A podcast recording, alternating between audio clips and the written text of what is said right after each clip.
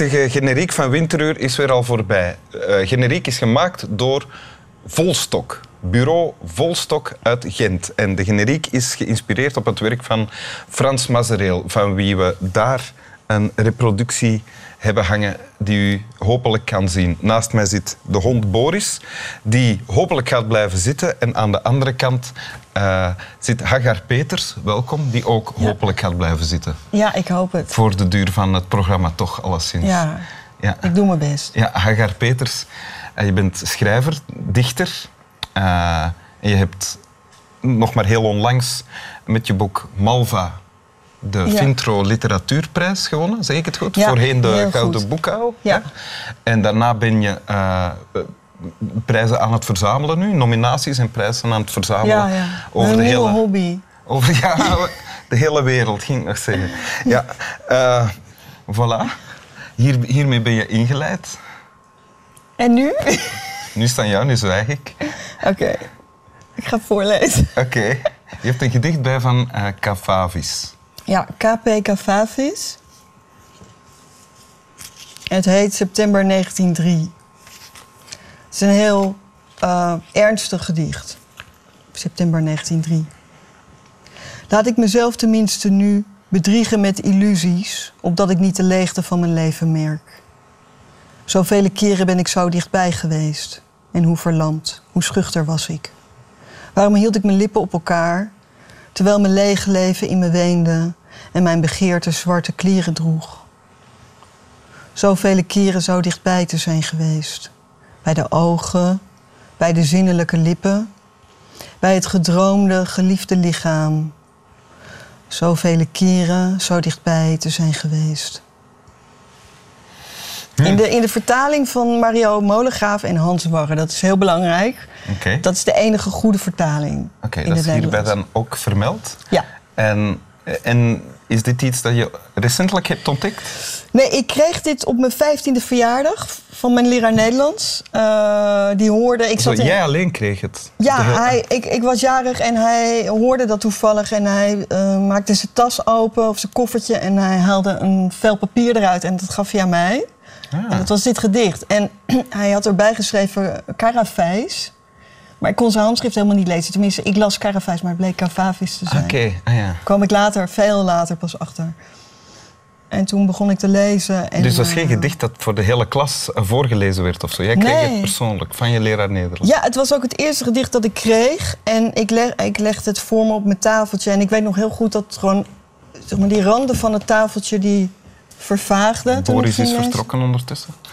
Ja, die denkt, wat een saai geleuter over die poëzie, zeg. Verschrikkelijk. Dus je zat aan een tafeltje en de randen van het tafeltje, daar zat weer eens. Maar er waren hele lekkere hondenbroekjes, die lagen ook op het tafeltje. Maar helaas, die zag ik niet meer, omdat ik dus alleen maar dat gedicht aan het lezen was. En toen, uh, ik hoorde ook geen geluiden meer.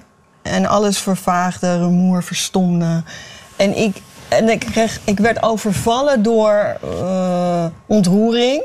En door uh, ongeloof dat zo weinig letters zo weinig bij mij teweeg konden brengen. Zoveel bij jou teweeg konden brengen? Ja, inderdaad. Ja. Ik ben helemaal in de war. Nee, dat is niet erg. Door de emotie, maar inderdaad. Zo Voel je het opnieuw dan nu? Nou, ik word wel ontroerd door dit gedicht steeds. Mhm.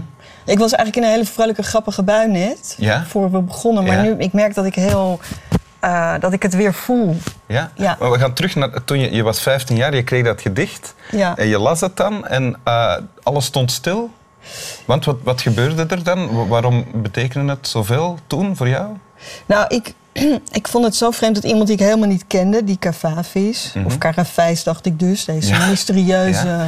Griekse dichter uit het begin van de 20e eeuw. Ja, die in Alexandrië had geleefd en 100 jaar eerder dan ik en homoseksueel bleek te zijn, dat kwam ik later achter. Toen je wist dat hij niet Caravijs heette, maar Cavavis. Precies. En, en toen dacht ik van, er zijn dus universele gevoelens. Of er is iets wat ik begrijp, wat hij ook begrijpt. En en het is beter gezegd dan ik het ooit heb bedacht. En dan ik het zou kunnen bedenken. En dat kan met een paar woorden. Ik was geschokt door het besef dat dat mogelijk was eigenlijk. Oké, uh, want in het gedicht beschrijft hij iets dat jij toen ook herkende, dat jij voelde. Ja, het beschrijft een soort eenzaamheid. En uh, ik was op dat moment heel erg verliefd op een jongen. Ja. Dit is eigenlijk een liefdesgedicht, hè? Ja?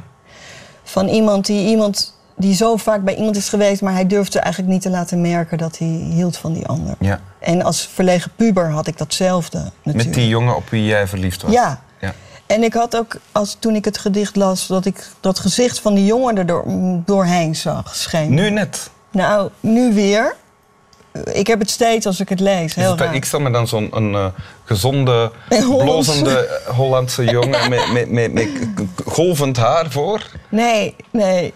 Hij had hele korte stekeltjes. Oh, En eh, hij was heel ongezond. Hij had een soort van... Hij had eigenlijk geen kin. oh, oké.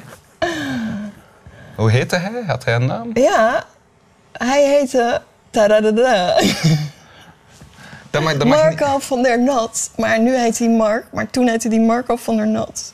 Oké. Misschien kijkt Ik heb hij het nu. onthuld. Ja. Zie je Marco van der Nat nog? Nooit. Nee, oké. Nee. Maar dus, je las het en dat trof jou. Want hierin werd beschreven wat jij voelde voor Marco van der Nat. Namelijk, Je maakt het nu heel plat. En dat ruimt op Marco dat, van der? Nat.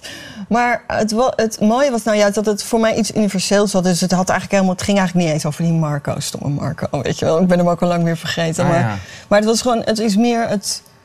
eh, dat ik het gevoel had dat, dat deze Caravijs Cavavis precies voelde wat ik voelde. Mhm. En dat alle mensen dus een beetje op dezelfde manier kunnen voelen. En, ehm, en ik, ik dacht, ik vond het ook zo mooi van die... eh, laat ik mezelf tenminste nu bedriegen met illusies. En, ja, en die, dat die zwarte kleren, zijn begeerte zwarte kleren droeg. Ik, kon, ik zag het meteen voor me. ja.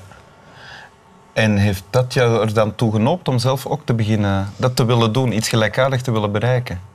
Ja, nou, ik, ik, ik was toen wel overtuigd van het belang van de taal en van de poëzie en van de zeggingskracht ervan. En van het vermogen om anderen te raken. Want dat, dat gebeurde bij mij heel sterk. Je- Meer dan, meer dan bijvoorbeeld voor alle andere kunsten heb je materiaal nodig. Je hebt film, heb je allerlei apparatuur nodig, weet je wel. Of, of, of een schilder heeft verf nodig. Maar dit zijn eigenlijk alleen maar de gedachten. Mhm. Het, het, het kaler kun je het eigenlijk niet hebben. Pen en papier is genoeg. Hè? Ja, Ja. eigenlijk wel. En iemand die het leest. Dat is die ander natuurlijk. Ja. Dus dat is zo mooi.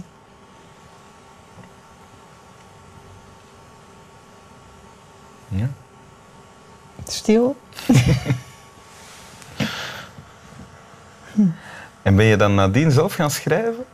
Nou, stiekem schreef ik wel al, maar ik wist nog niet dat, dat, dat het zo heette. Ik wist helemaal niet wat gedichten waren, dat die bestonden.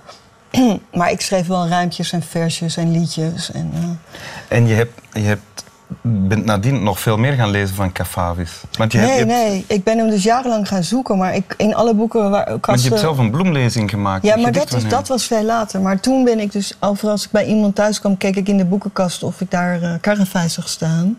Oh ja, je pas- zocht Caravijs. Ja, en pas vier jaar later of zoiets, toen kreeg ik die, dit, dit boek. Dit boek. Ja? En ehm, eh, toen eh, in de boekhandel zag ik het. Ik dacht, oh, Caravijs, dat moet, Cara- dat moet die Caravijs zijn.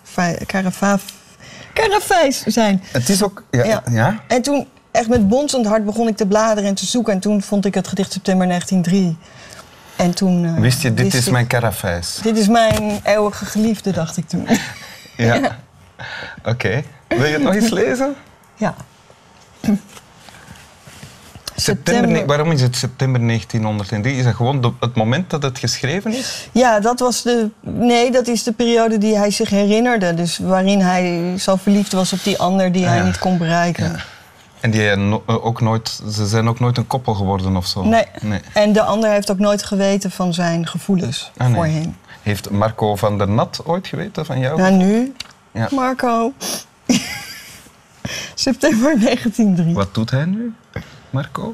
Ja, ik weet niet of hij wil dat ik dat onthul. Ah, oké. Dat is geheim. Ah ja, oké. Nu ben ik nog veel nieuwsgieriger geworden natuurlijk. Maar. Misschien straks. Maar ik, ik, ik wil hem niet meer terug, laat ik het zo zeggen. Ah, oké. Ja. September 1903. Niet dat ik hem ooit gehad heb, want ik had hem al niet, maar ik wil hem ook niet. Zo, dit is gezegd. Dit is niet het gedicht dat sto- terug tegen Marco dat je aan het praten was. Nu. Ja. Nu, ik ben nu Ja. in dialoog met Marco door de letters heen. Ik zie zijn gezicht nog voor me, maar ik kijk nu weer naar de letters. September 1903. Laat ik mezelf tenminste nu bedriegen met illusies, opdat ik niet de leegte van mijn leven merk. Zoveel keren ben ik zo nabij geweest. En hoe verlamd, hoe schuchter was ik. Waarom hield ik mijn lippen op elkaar? Terwijl mijn lege leven in me weende en mijn begeerte zwarte kleren droeg. Zoveel keren zo dichtbij te zijn geweest. Bij de ogen, bij de zinnelijke lippen, bij het gedroomde geliefde lichaam. Zoveel keren zo dichtbij te zijn geweest. Dank u. Stap wel. Lezen, de lezen, lezen, lees. Niet je eigen gezicht erin stoppen hoor. Nee, nee, nee, nee, dat zou ik nooit doen. Mijn eigen gezicht ergens in stoppen. Alleen dat van er. Ja, mag.